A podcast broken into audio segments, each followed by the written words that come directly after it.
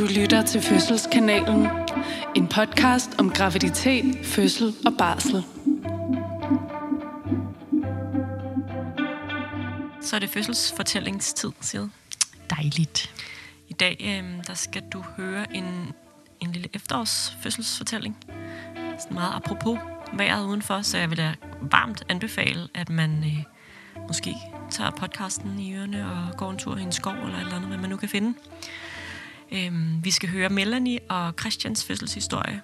Øhm, ja, jeg tænker egentlig bare, at jeg vil øh, kaste ud i det. Det lyder dejligt.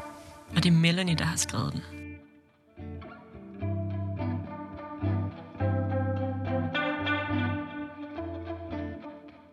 Min mor har født fire børn. Tre komplicerede vaginale fødsler, som alle fandt sted i 43 plus, med alle tænkelige former for igangsættelse og medicinsk involvering.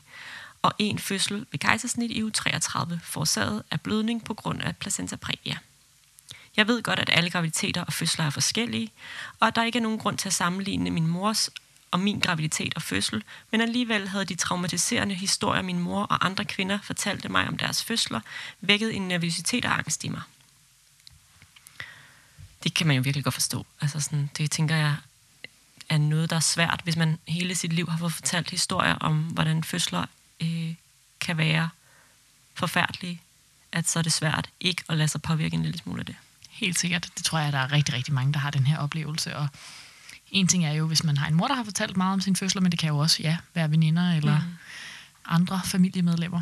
Og i virkeligheden meget apropos, hvorfor vi sådan laver de her fødselsfortællinger, det er jo et forsøg på øh, også at dele nogle af de helt ukomplicerede fødsler, øh, fordi det tit er de traumatiske fødselsoplevelser, som får plads, og det er det, fordi de mennesker, som har oplevet de traumatiske fødsler, har mere behov for ligesom, at få fortalt deres historie af rigtig, rigtig gode grunde.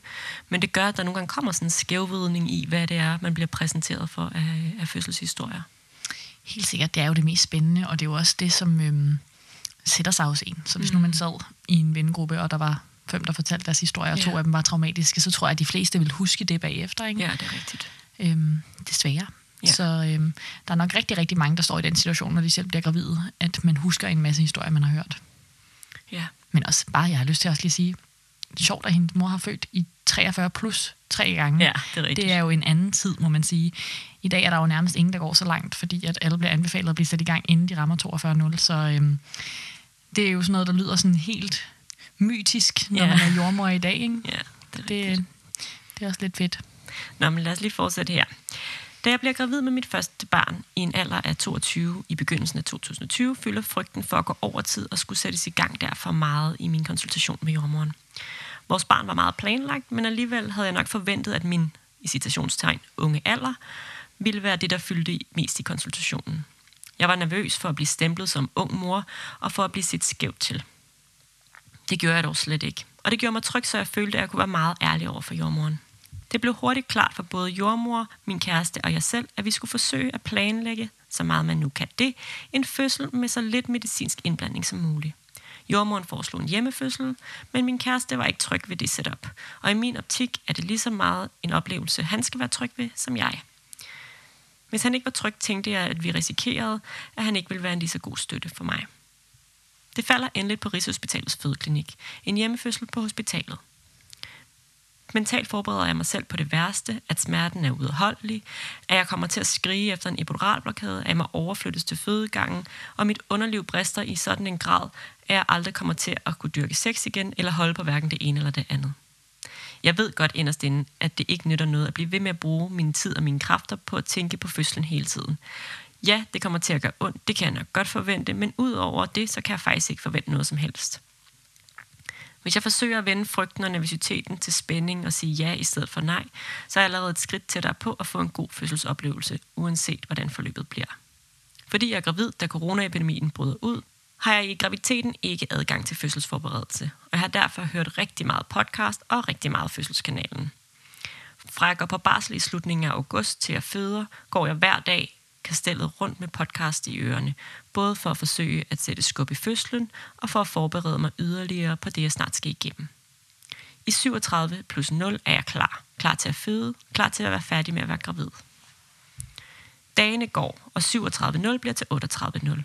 Og mens de første i min terminsgruppe begynder at føde, mærker jeg min terminsstatus risikoen for overborgen graviditet og derved igangsættelse kom tættere på.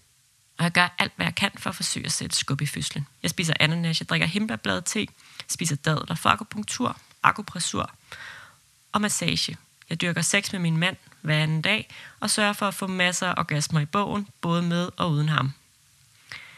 Jeg tager mange lange bade og glæder mig over, at vi i vores andelsforening betaler solidarisk for vandforbrug. Jeg går ture og spiser god mad, læser bøger, ser serier, sover længe. Jeg har lært, at oxytocin er keyword, når man skal føde, så jeg fylder mine dage med gode mennesker, som jeg synes er rare at være omkring, og jeg går ikke så meget op i coronarestriktioner, men mere op i kram og nærhed. Jeg synes, det er dejligt, at hun også kommer med de sidste ting, for jeg nåede lige at tænke med ananas og dadler og himbærblad mm. til, at det jo nogle gange kan blive sådan helt tvangstankeagtigt, at man skal øh, nå at drikke alt det himbærblad til, som man nu har sat sig mål for, og øh, ligesom gøre alt, hvad man kan. Altså, at man lægger ansvaret meget over på ens egne skuldre, ikke? Mm. hvor at, øh, hvis man tænker lidt mere i de der oxytocin-baner for at få en fødsel i gang, så gør man jo ting, som også er dejligt for en selv, så det er ligesom lidt mere win-win. Men oh my god, jeg elsker alt ved det sidste ved det her. Altså alt det der med netop at bare tænke på at gøre ting, der er så rare som overhovedet muligt, og det lyder jo altså som en ret skøn tid, så man godt er klar over, at det sikkert også fylder meget det her med gerne vil gå i fødsel, så lyder det jo virkelig som, som nogle gode dage, hun får lavet sig. Ja, det gør det. 38.0 bliver til 39.0 bliver til 40.0. Og ved vores ugenlige jordmorkonsultation joker jordmoren med, at vi ses i weekenden, når hun er på vagt. Hver aften, inden jeg går i seng, fortæller jeg baby, at hun gerne snart må komme, at vi er klar, og at vi glæder os til at møde hende. Jeg visualiserer, hvordan jeg den nat vil vågne med vejer, at min kæreste og jeg skal bruge en eller to dage herhjemme med småvejer og Netflix-fase. Jeg forestiller mig fødevær, regnvejr, lyn og torden. Forestiller mig varm kakao og tegmad, mens vi ligger i ske og venter på baby. To gange om ugen går jeg til vores lokale blandt selv slik, for at blande en pose fødeslik til os og jordmoren. Jeg synes, jeg synes, det er fedt det her, og jeg kan godt lide, at hun tænker, inden hun lægger sig til at sove, at nu må barnet gerne komme, og hun også siger det højt, fordi jeg tror faktisk, det er det tidspunkt, der tit er ret svært for folk, fordi man jo i mange tilfælde går og gerne vil have vejer og gerne vil føde. Men lige når man lægger sig til at sove, så kan man jo godt blive ramt af sådan en, hold nu op, jeg er træt. Hvis vejerne kommer lige om lidt, så kan jeg slet ikke overskue det. Øhm, fordi det er jo hårdt at gå i fødsel, når man ikke har fået søvn. Øhm, så jeg tror, det er sådan en meget god måde at se det på, det der med ligesom at visualisere alt det gode, der vil være, hvis man så fik vejer. Mm. Klart. Jeg når at spise i hvert fald 2 kilo blandt selv slik, mens jeg venter på min fødsel. 40 plus 0 bliver til 40 plus 3. Stadig ingen baby. Og ved besøg hos jordmoren får jeg en hændeløsning. Jeg har her godt to fingre åben og har en meget blød livmorhals, som dog stadigvæk er 1,5 til 2 cm lang. Mine hænder er godt spændte, men baby står stadigvæk ikke fast i bækkenet. Hun siger, at jeg godt kan forvente, at hændeløsning ikke har den store effekt, og hun forsikrer mig igen om, at det er helt normalt som førstegangsfødende at gå over tid. Alligevel får jeg en tid til igangsættelsessamtale 6 dage efter, i 41 plus 2, og jeg er noget nedslået ved tanken om, at hvis baby skal komme til verden på fødeklinikken uden igangsættelse, men før vi når 42.0, så er vi maks presset på tid. Den aften sender jeg min kæreste i Harald Nyborg for at købe en pilatesbold, som jeg kan hoppe på. Jeg laver spinning babies øvelser, drikker te, spiser dadler, ananas en masse. Hun er godt nok altså meget aktiv. Det er dedicated. Og jeg forstår godt den der følelse af at være tidspresset, men jeg prøver altid at sige til de gravide, der er det her sted i deres graviditet, at hvis hun har, lad os nu sige, hun har 8 dage for eksempel, eller 9 dage, til man vil sætte hende i gang. Det er ufattelig mange timer, hvor at vejerne lige pludselig kunne gå i gang. Øhm, altså, det er jo faktisk ret lang tid. Hun er ikke maks tidspresset, selvom at det selvfølgelig sagtens skal føles sådan. Og jeg tror, det er det her med, at man har ventet i ni måneder, øhm, og så lige pludselig er det, handler det om ni dage, for eksempel. At, at det føles som ingenting. Mm. Ud af den, den lange ventetid, der har været. Ikke? Men jeg er helt enig, og, og, øh, og det er jo fuldstændig rigtigt, det der med, at man kan jo nå at gå i fødsel 100 gange, inden den her dato oprænder. Ja. ja. Dagen efter går min slimprop i et kæmpe stykke, mens jeg er i bad. Jeg får et sug i maven, og jeg er lidt på duberne over, om det mon i dag, der kommer en fødsel. Den her slimprop er jo virkelig en, øh, en spændende ting, fordi at det er jo noget slim, som samler sig i livmormunden i løbet af sådan en graviditet for at holde bakterier ude. Øhm, så udover at der selvfølgelig er de her fosterhinder omkring barnet, så er der ligesom også sådan en prop af sådan noget ret tykt slim, som ligesom holder livmormunden lukket. Og når den går, så er det jo et tegn på, at livmormunden begynder at give sig, at den åbner sig lidt, og så glider det ud. Og det kan ske, når man har bravende vejer og er godt i fødsel, og det kan ske uger, siger jeg, super tavligt for Melanie. Det kan ske uger, inden man går i fødsel. Altså, det er ikke nødvendigvis sådan, det er jo en indikation for, at livmormunden giver sig, men, men ikke om man er sådan ved at føde lige nu, eller om der går lang tid. Ja, det er fuldstændig rigtigt. Jeg ved jo, at hændeløsningen skal sætte gang i fødslen på 24 timer for at have effekt, og de 24 timer er snart overstået. Der sker ingenting før plus 4, der sker ingenting før plus 5. Jeg er med tanke på den forestående igangsættelsessamtale noget desperat, og jeg undersøger alle private jordmorklinikker for muligheden for at få lavet en hændeløsning igen. Jeg skriver til tre forskellige jordmødre om mit forløb, og konklusionen fra dem alle sammen er, den første hændeløsning, jeg har fået lavet, har været med til at modne på et eller andet, siden slimproppen er gået. Desværre så er der ingen af dem, der har mulighed for at komme forbi os. For vi skriver søndag i u 41, og de skal alle tre på efterårsferie med deres børn. Pokkers. 40 plus 6 ringer jeg til den jordmorklinik, hvor jeg har fået akupunktur, og får overtalt dem til at tage mig ind i den ene jordmors frokostpause og lave en hændeløsning på mig samme dag. Stadig kun 2 cm åben, og med lidt rigelig livmorhals. Efter hændeløsningen går jeg de knap 3 km hjem fra Østerbro i resttempo. Jeg tager nogle plukkevejer på vejen. Jeg kommer hjem, og jeg har haft lidt tegnblødning. Yes. Men så intet yderligere. Min kæreste kommer hjem fra job, og jeg er noget skuffet. Han siger, at han synes, vi skal bruge lidt tid på at sætte os ind i igangsættelsesmetoderne. Og mens vi ser en video fra Rigshospitalet, hopper jeg vredt og frustreret videre på min pilatesbold. Baby kommer, når baby kommer. Det siger alle. Jeg går amok, hvis jeg hører det en gang til. Jeg er rodløs, restløs og magtesløs og vred. Jeg elsker den her passion. Ja. Vred på min krop over, at den ikke er gået i fødsel. Vred på min jordmor over, at hendes hændeløsning ikke virker. Vred på min kæreste over, at han har gjort mig gravid med en baby, der til synlædende ikke gider at blive født. Det er sgu da også pisse irriterende. Så træls. jeg tror virkelig, sådan, altså, at vi kan gøre nogle mennesker vrede som jordmøder, fordi vi hopper jo ikke med på den her bølge af frustration, fordi barnet kommer jo, når det kommer, og det nytter ligesom ikke rigtig noget at sådan stoppe op hele tiden og tænke, er det nu, er det nu, er det nu. Men, men jeg kan sagtens forstå, at man har det sådan her, og jeg tror, der er rigtig mange, der har det sådan her. Helt 100. Og det er jo nogle gange endnu værre at være frustreret over et eller andet, som jo er virkelig frustrerende, når omverdenen er sådan, ja ja, men nu må du bare være tålmodig. Ikke? Ja. Og det er jo også den her situation, hvor man kan ikke, hun, hun kan jo ikke gøre andet. Nej. Altså hun har gjort alt, Ja. ja. hvad der står i hendes magt. Præcis. Så det er jo simpelthen bare at vente. Ja, Og, og det, det- tror jeg er svært for mange. Ja, det er bare, det er så underligt. Det er jo en, en mærkelig situation. Helt 100. Nå. Den aften er jeg sikker på, at mit oxytocin-niveau er helt i bund. Jeg er vred og ked af det, og jeg er bange for, at jeg skal ud i en af de mareridsfødsler, som folk åbenbart tror, man har lyst til at høre om, når man er gravid. Jeg frygter at gå over tid. Jeg frygter, at min baby dør i maven på mig. Jeg frygter V-drop og V-storm. Fald i hjertelød og akut kejsersnit. Min kæreste må holde mig tæt. Jeg falder i søvn omkring kl. 22. Den nat 41.0 vågner jeg kl. 01.30 med ideen om, at jeg må have haft en mærkelig drøm. Jeg tager min telefon og ligger og kigger lidt, da jeg pludselig får en plukkevæg og skal på toilettet. Jeg går ud og sætter mig, men der kommer ikke rigtig noget. Jeg venter lidt, for jeg har været forstoppet de seneste dage. Igen får jeg en plukkevæg. Og jeg begynder at tænke, om de måske kan være regelmæssige. Mig retur i seng. B-timer slået til. Og så begynder der ellers at vise sig et pænt mønster.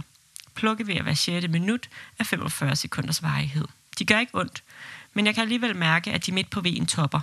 Og der går det op for mig, at jeg måske har rigtige vejer. Holy shit, knude i maven. Spændt, spændt, spændt. Min kæreste sover stadig. Skal jeg vække ham? Nej. Vejer skal gøre ondt og komme meget hyppigere end hver 6. minut. Og de skal helt sikkert vare mere end 45 sekunder. Jeg er gået i fødsel af mig selv, og nu kan det godt tage et par dage. Han får lov til at sove lidt videre. Jeg skammer mig over mit nedbrud aften for inden. Jeg kan godt, min krop kan godt, min baby kan godt. Jeg nusser maven og taler til baby. Går i bad og nusser maven og taler lidt mere til baby. Alt den oxytocin, jeg ikke har produceret aften før, den skal jeg gang i nu. Min baby skal vide, at jeg hæpper på hende, og at vi sagtens skal klare det her sammen. Jeg synes, det er sådan et virkelig dejligt fokus, som på et tidspunkt i fødslen godt kan være svært at sådan bibeholde, når man har vejer, der kommer meget tæt. Men det der med, at det jo handler om at få et barn ud, og det der Helt med, at en ting er, at hun skal arbejde, og hun skal have vejer, altså Melanie, der skriver, men barnet skal også rotere derinde og finde vej ned igennem bækkenet. Så man er jo to mennesker, der skal gøre det sammen, og det synes jeg bare øh, er både meget befriende og meget smukt på en eller anden måde. Ja, Og så får jeg lyst til sådan at sige, at det her er på, på nogen måde lidt klassisk. Altså, at jeg tror nogle gange, at øh, selvom jeg er all for det der med at øh, have sådan et positivt mindset og tænke, det hele skal nok gå og sige ja til fødslen og øh, ligesom holde fokus på alle de ting, man glæder sig til og alt det her, så tror jeg også, at nogle gange, så skal de der følelser føles. Altså alle de svære følelser, al frygten. Hvis man ligesom er kommet til at lægge meget låg på den, så kan det godt være, at fødslerne bare skal have lov til at komme op til overfladen og blive følt, før at kroppen ligesom er klar til at komme videre til det næste step. Ja, det er nok sådan et kaos af alle slags følelser på spektret, ikke? Altså vrede og frustration og kederlighed og glæde og spændthed. Og, og så er det så fint det her med, at nu, nu er hun ligesom i stand til at vende tilbage til den der, ja, nu skal vi, nu skal vi videre, nu skal vi øh, have noget oxytocin øh, i gang og, og gøre nogle gode ting. Og, altså sådan, så går hun ligesom tilbage i sådan det der positive arbejdsflow. Ja, og, og det kan man også godt have brug for at gøre undervejs, altså senere i en fødsel, at så kan det være, at man lige bliver hyldet ud af den, og har en halv time eller en time, hvor man er rigtig ked af det, eller synes, det er meget svært, mm. og så kan man forhåbentlig finde vej tilbage og finde fokus igen. Klokken bliver seks, og vejerne er stadig regelmæssige. Min kærestes vækkeur ringer. Jeg ligger med ansigtet helt op i hans, da han søvndrukken slår øjnene op. Godmorgen, skat. Jeg har vejer. han svarer tørt bare nej. jeg tror ikke, at det er fordi, han ikke gerne vil have, at jeg skal føde, men jeg tror, at han er lidt ved siden af sig selv i situationen, og måske går det ikke rigtig op for ham, at vi snart skal møde vores lille pige. Det må være en vild besked at få som mand.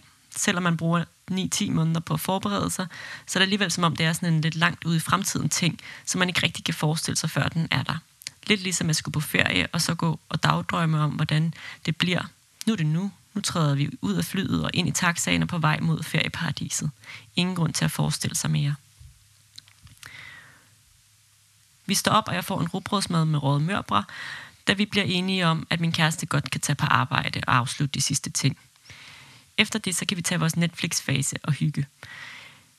Når jeg kigger tilbage på det, er det jo fuldstændig vanvittigt at blive enige om, at min kæreste skal tage på arbejde. Til vores forsvar var vi førstegangsfødende, og vi vidste ikke bedre. Og så tror jeg stadigvæk ikke, at det var gået helt op for os endnu. Men næste gang vi skal føde, der er og limet barsel. Han tager på arbejde, og jeg går ind og prøver at få sovet. Vejerne kommer stadig, nu nok lidt hyppigere. Jeg falder i søvn en times tid, men vågner, når maven spænder op. Det gør stadigvæk ikke rigtig ondt, men hvis jeg skal klare flere dage med det her, så skal jeg altså sove lidt. Jeg ringer til Rigshospitalet og får en tid til at komme ind til tjek og sove cocktail kl. 10. Mens jeg går rundt og hører Beyoncé og danser og bader, facetimer øh, med min mor, står solen op. Og jeg kan hurtigt regne ud, at jeg i hvert fald ikke får mit fødevær lige i dag. Der er ikke en sky på himlen, og solen skinner, som om det er den sidste dag i år, den får lov til det. Jeg kommer ind på Rigshospitalet og får kørt en CTG, og jordmoren siger, at selvom hun godt kan se, at jeg har mange vejer, så synes hun, at de er for korte, og jeg er lidt for overskudsagtig. Ja, overskudsagtig. Det står der ordret i min journal. Hun undersøger mig indvendigt, og jeg fortæller hende, at jeg dagen for inden fortsat kun var 2 cm åben. Det er du ikke længere, siger hun. Og jeg tænker for mig selv, at det har lukket sig sammen igen dernede. Denne baby vil simpelthen ikke fødes, og nu ender det alligevel med et V-drop. 4 cm, siger hun, mens hun kigger lidt spørgende på mig. Holy shit, aktiv fødsel. Jeg får valget mellem at gå hjem med en sovecocktail, tage hjem og arbejde videre uden sovecocktail, eller få en fødestue. Det er lidt ligesom et tv-program, jeg så, da jeg var barn. Du kan vælge en af de tre døre, og bag ved dem hver gemmer der sig en historie. Det er totalt op til dig at vælge, men du har ingen idé om, hvad der gemmer sig bagved. Måske stopper en sovecocktail vejerne. Måske er du så langt i fødsel, at du ender med at føde på stuegulvet derhjemme, hvis ikke du tager en fødestue. Måske går fødslen i stå, hvis du vælger en fødestue. Ingen ved det. Surprise, surprise. Det, er, det kan jeg vel godt forstå. Eller sådan, og det er jo det værste er, at ingen ved det. Altså, vi mm. ved det ikke. De ved det ikke. Ingen ved det. Mm. Så det er ligesom at sådan, forsøge at gå med ens intuition. Hvad er det, der vil føles rigtigt for mig lige her? Ja, der er mange, der får nogle valgmuligheder på et eller andet tidspunkt undervejs i deres fødsel, og det er jo vildt svært at tage stilling til. Altså både fordi man ikke ved, hvad der skal ske, men også fordi man har vejer. Altså man er jo ikke sådan, der er jo ikke meget tid til bare at stoppe op og, og overveje. Min kæreste er stadig på arbejde, og jeg mangler at pakke vores hospitalstaske færdig, og jeg har ikke fået frokost endnu. Så jeg takker pænt nej til både sovecocktail og fødestue, og formindleder mig selv med hospitalsklæde i tilfælde af spontan vandafgang i taxa under armen ud på Blejdomsvej. Jeg præger en taxa, lægger klædet ind og får ringet til min kæreste på vej hjem. Han er nu lettere panisk, kan jeg høre i telefonen. Han har været ret emotionel de sidste par uger, og jeg frygter, at han vil knække sammen under fødslen og bare græde, græde, græde. Det kan jeg ikke tage mig af nu, Vejerne kommer hver fjerde minut, men gør stadigvæk ikke ondt. De spænder bare op i maven. Jeg er også ret imponeret over, at han er taget på arbejde, faktisk. Altså, øhm, jeg tror, jeg ville være meget distraheret, hvis det var mig. Helt, helt klart. Altså, jeg, jeg kan slet ikke forestille mig at sidde... Jeg ved ikke, hvad han laver, men jeg, lige nu ser jeg sådan et kontorarbejde for mig, og så sådan sidde der og skulle prøve at koncentrere sig. Præcis. Ej. Vejerne kommer hver fire minut, men gør stadigvæk ikke ondt. De spænder bare op i maven. De var heller ikke længere end 45 sekunder. Jeg ringer til min svigermor og beder hende om at komme forbi med frokost. 12.00 kommer vejerne hver tredje minut. Derhjemme i stuen står jeg nu med min kæreste og min svigermor, og vi vender situationen. Jeg mener jo klart, at vi skal vente med at tage ind. Jeg gider simpelthen ikke rende rundt over i fældeparken og vente på, at vejerne tager til i styrke. De gør jo ikke ondt, og de var heller ikke længe nok. Svigermor skal igennem. Hun har konfereret med min mor, og de er blevet enige om, at jeg skal stoppe med at spille tof. Og så acceptere, at jeg måske er længere i fødsel, end jeg selv tror. Okay. Det er fedt, at det er sådan, at hendes, hendes mors svigermor, der ligesom tager styringen på det her. Altså, det, det kunne øh, potentielt være rigtig, rigtig irriterende også. Men sige, øh, det virker ja. som om, at det er okay for hende. Præcis, det kan være godt og skidt. Altså Ja. nogle gange så har man jo brug for, at der er nogen, der tager noget styring. Altså ligesom det med de tre døre der, at nogle gange er det meget rart, at der er en, der siger, nu skal du faktisk bare gå ind den her dør. Men altså, man kunne sagtens se en situation for sig, hvor det også var pisseirriterende. Vi kommer ind på ride kl. 13, og jeg undersøges 13.15. Jeg er stadig for overskudsagtig, og min vejer er ikke lang nok. Men du er 6 cm åben, så de virker til synlædende, som de skal, siger jordmoren, mens hun ligesom gør an til, at vi gerne må følge med ned på fødeklinikken. I mellemgangen mellem elevatorer og andre snarligt fødende par, tager jeg et par vejer i dyb yogi slash skovskiderstilling med en kan vand i hånden, som var det eneste jordmoren ville lade mig bære de 100 meter fra fødemodtagelsen til fødeklinikken. Hun synes, jeg er sej, og det synes jeg faktisk også. Da vi kommer ind på fødeklinikken, overraskes jeg over, hvor stort rummet er. Klart større end vores stue derhjemme. Med eget toilet, loungeområde, fødesofa og vigtigst af alt, et kæmpe fødekar. Jeg kigger ud over Panum Instituttet, parken på den anden side af Juliane Maries vej, og solen, som stadig skinner smukt. Egentlig havde jeg jo forestillet mig, at jeg skulle gå lige her og have vejer en efterårsnat, så vi kunne tænde de elektriske sterinlys og putte under et varmetæppe på fødesofaen. Sådan bliver det så ikke. Men det er den smukkeste oktoberdag alligevel, så det skal nok gå. Jordmoren tjekker mig indvendigt 7 cm, men baby står ikke helt i bækkenet, og mine hænder er stadig meget spændte. Vi prøver lidt at stå i knaldbuleje, og jeg får klyks, mens min kæreste henter en cola i kiosken. Jeg kommer i brusebad efter klyk, så min kæreste kommer ud og sidder lidt med mig på badeværelset, mens jeg squatter i bruskabinen for at få baby længere ned. Vi griner over, at det ikke er fødevær, at vi ikke fik Netflix og teg med, og så kigger vi hinanden lang tid i øjnene og nusser begge maven, mens vi fortæller baby, at vi glæder os til at møde hende. Jordmoren går i gang med at fylde fødekarret og fortæller os, at man godt kan opleve tilbagegang, når først man kommer ned i karret. Hvis det sker, så tager vi den derfra. Jeg læser i hendes øjne, at vi ikke må forvente at kunne føde i kar, og at hvis vejerne går i stå, må vi overflytte og få vedrop eller lignende. Jeg nægter at hoppe med på den. Jeg vil føde den baby selv. Jeg tror måske mere jordmoren har sagt det i sådan en tanke på, at en gang imellem, så ser vi, især hvis vejerne ikke er så lange og ikke er så kraftige, at vejerne dør lidt ud. Og så er det altså ikke ens betydende med, at man skal have et drop, men så er det ens betydende med, at man måske bliver nødt til at komme lidt op og gå lidt omkring på fødestuen. Så jeg tror ikke, at, øh, at jordmoren har været helt derfremme øh, i sine tanker, hvor hun selv er. Også fordi hun har nogle lidt atypiske vejer. Altså sådan, de kommer jo rimelig hyppigt, men de er ikke så lange, og det lyder heller ikke som om, de er så kraftige, men de virker åbenbart bare ja. rigtig godt. Så jeg kan sagtens forstå, at der er en jordmor, der tænker sådan, hmm, hvis det her dør meget mere ud, så kan det godt være, at vejerne ikke virker lige så godt. Ja. Vejerne gør stadigvæk ikke ondt, men kommer hyppigt hvert anden til tredje minut. De varer stadigvæk cirka 45 sekunder, men jeg kan godt mærke, at de begynder at tage til i intensitet. Jeg tager nogen i skovskiderstilling med armene på fødekarret, mens jeg hopper op og ned med bækkenet og tænker 45, 30, 15 sekunder til V-pause. Snart er V'en over, og så bliver det godt igen. Jeg kan stadig både gå, tale og hoppe henover og under V'erne, og jeg lægger mærke til, at jordmoren igen bemærker, at det er ret sejt. Gud fader er det da så. Klokken nærmer sig 15, og der er vagtskifte. Vores nye jordmor kommer ind, mens jeg i en V holder om min kærestes hals. I V-pausen kommer jeg op i karret og får lov til at hilse på den tilkommende. Hun får overlevering fra den tidligere jordmor og kommer ind og undersøger mig kl. 15.30.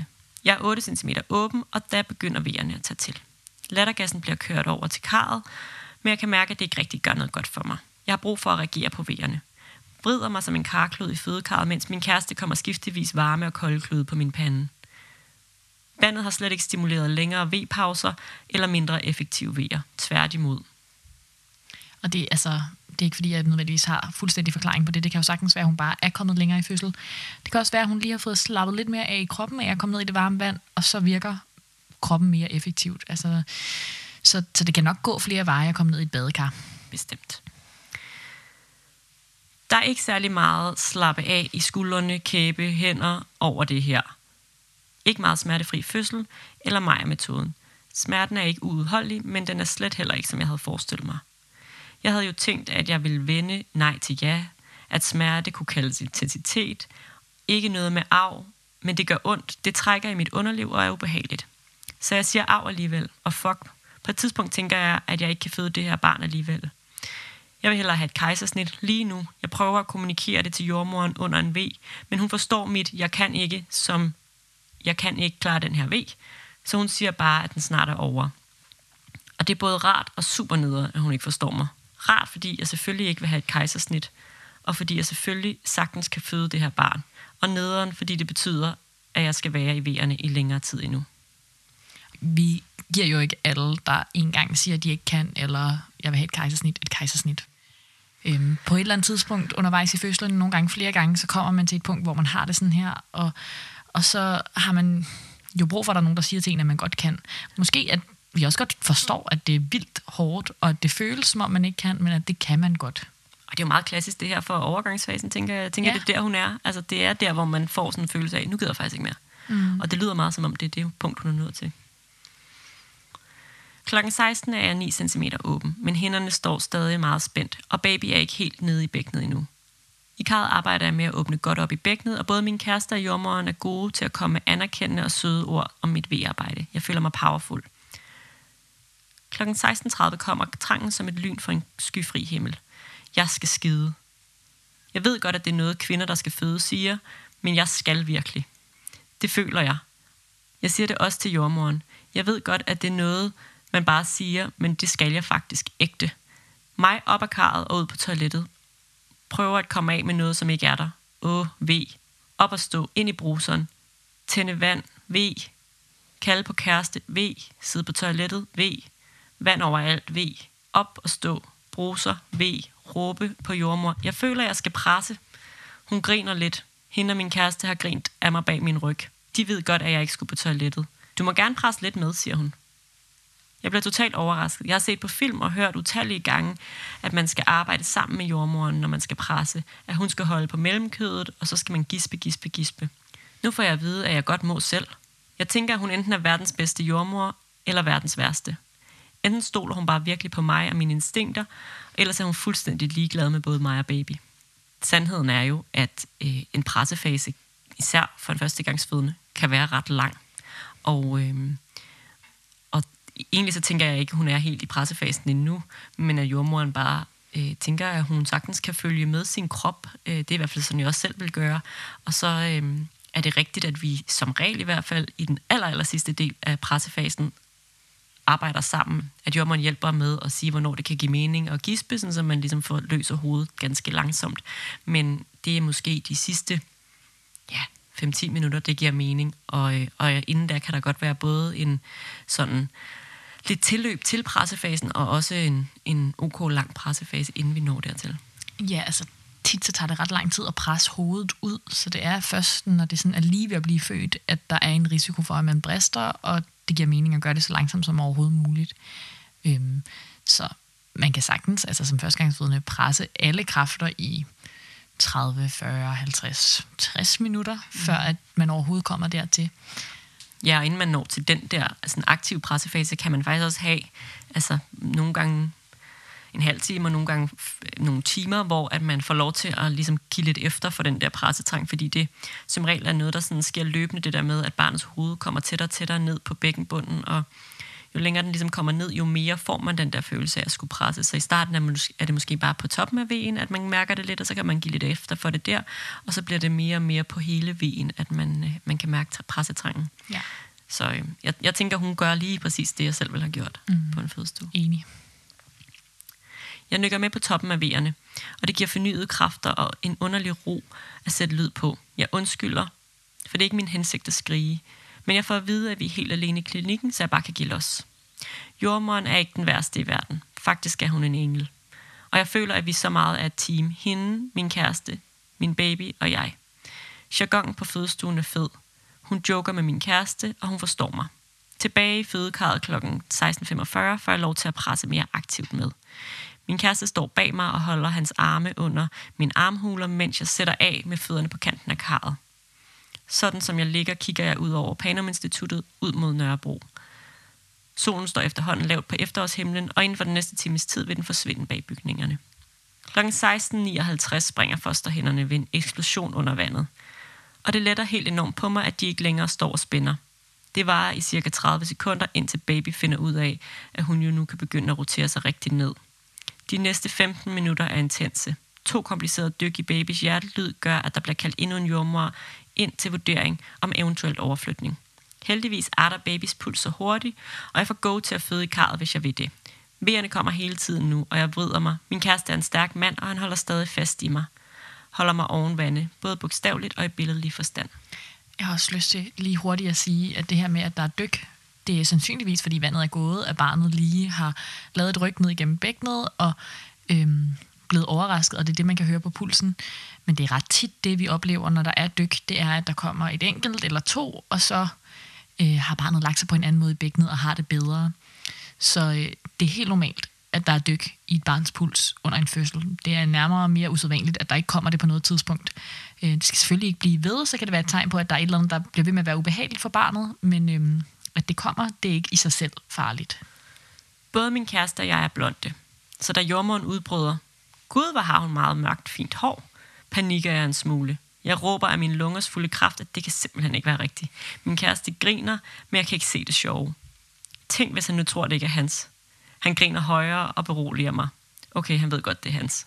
Jordmoren griner af mig, og jeg griner lidt med, før næste vi tager over. Jeg tænker i dag, at den slags pludselige og super upassende indfald simpelthen må være hovedets måde at kapere det her fuldstændig overmenneskelige, som sker fysisk. At hjernen har brug for at koble af på den ene eller anden måde. Jeg ved ikke, om det er normalt, men det føltes lidt rart at få lov til at grine midt i sådan en pressefase. Klokken 17.20 har jeg et intenst øjeblik med min jordmor. Hvornår føder jeg, spørger hende. Hun kigger på den assisterende jordmor, som sender hende et, nu skal du ikke love for meget blik. Min jordmor skuler tilbage til hende, kigger mig dybt i øjnene og siger, om 10 minutter har du født. 10 minutter. Til venstre for fødekarret hænger et ur. Inden halv. Som baby rykker frem i fødselskanalen, bliver pressevejerne endnu mere intense. Jeg får lov til at mærke toppen af hendes hoved, og pludselig viser universet sig at være barmhjertigt. V-pauserne går fra at være 20 sekunder lange til at være op til 2 minutter lange. Jeg får lov til at trække vejret, samle kræfter til næste V. Den assisterende jordmor trækker sig tilbage, finder min kærestes telefon og begynder at tage billeder, mens jeg presser. Jeg kan mærke, at jeg brister. Det føles intenst, men ingenting i forhold til de vejer, der dækker smerten. Jeg råber til jordmoren, at jeg brister omkring klitoris. Hun siger, at hun ikke kan se det, men at det er okay, hvis jeg gør. Nu føder jeg min baby. Klokken 17.31 svømmer Alma Sofie op til mig. Hun er fin og lyserød og har navlesnoren viklet rundt om den ene fod. Verden vil for altid være forandret, og solen går ned bag Panum Instituttet. Hendes hoved er helt fint og rundt. Hun har ikke stået særlig længe fast, så hun har ikke nået at blive presset oven på hovedet. Min kæreste græder. Det har han faktisk ikke gjort endnu. Han er sej. Hun er varm og våd og klistret. Mens hun vender sig til livet uden for livmoren, kigger hun på mig med sine store blå øjne. Min kæreste kysser os. Baby bliver lagt til og tager fat med det samme. En lille sulten en. Moderkagen bliver født efter 10 minutter og får lov til at ligge ved os i en bakke yderligere 10 minutter, inden jordmoren gerne vil have mig op af karret for at tjekke for bristninger. Far får lov til at klippe navlesnoren, og han får baby i armene, mens jeg fragter mig selv fra fødekar til fødesofa. Jeg tænker, at det er utroligt, at han kan bære hende. Hun ligner ikke en lille baby, og han har trods alt holdt mig oppe i fødekarret i gode 45 minutter. Jeg tænker, at jeg må huske at rose ham. Jeg er bristet på begge kønslæber, bilateralt omkring urinrøret. To små graditbristninger. Jeg får baby retur, varmetæppe på og bliver syet, mens jeg ammer. Jeg får fødselsbord og kommer ud og tisse og bade, før baby vejes og måles. 3782 gram og 52 cm. Helt perfekt. Vi får lov til at blive en lille familie der på stuen Alfa på Rides Fødeklinik. Og efter vi har fået en bunke på syre, der skal fortælle os om, hvordan man er forældre de første par dage, får vi at vide, at vi godt må pakke os sammen og tage hjem, når vi synes, vi er klar til det. Inden klokken er 22.30 lander vi hjemme på vores adresse, hvor både farmor og mormor er klar til at møde deres første barnebarn. 24 timer efter første V falder jeg i søvn, mens min 8 timer gamle datter griber med sin lille hånd om min pegefinger. Jeg har været overrasket over mine behov for at tale om fødslen efterfølgende. Men jeg tror i virkeligheden, at det er vildt vigtigt at i tale sætte følelser og forløb, uanset hvilken slags fødsel man har haft. Ens fødsler er trods alt unikke oplevelser, som man ikke kan gøre om. Og man gør sig selv en tjeneste i at hedre sig selv og ens fødselshistorie. Kvinder er vilde, seje og rå, uanset hvordan de føder. Jeg havde ikke behøvet at være så nervøs, og jeg havde ikke brug for lange, dyre fødselsforberedelseskurser. Mit team, min baby, jordmor, mand og jeg selv var nok. Tilliden mellem os var nok. Jeg har lært af min fødsel at stole på min egen krop og min intuition. Mærke efter. Hvis jeg havde fået en anden jordmor, hvor kemien ikke var god, eller som ikke havde givet mig lov til at mærke efter, så havde oplevelsen nok været markant anderledes. Næste gang jeg skal føde, skal det være et fokus i min jordmorkonsultation. Jeg ved, hvordan jeg skal føde. Jeg kender min krop. Basta.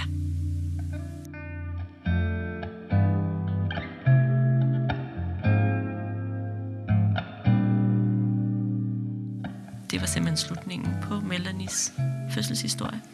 Meget dejlig oktober fødselsdagshistorie. Totalt dejlig oktober fødselshistorie. Ja, virkelig efterårs lækkerhed hele vejen igennem. Mm-hmm. Og bare jo en dejlig sådan, reminder om, hvordan en første gangsfødende kan føde.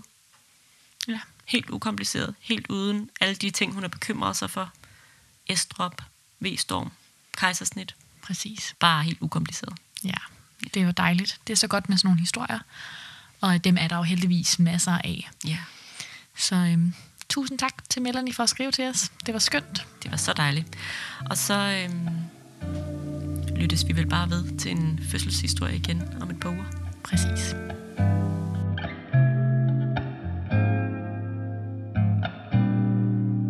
Du har lyttet til en fødselsfortælling på Fødselskanalen. Vi er dine værter, Sigrid Arnbjerg. og Frederikke Dørfler.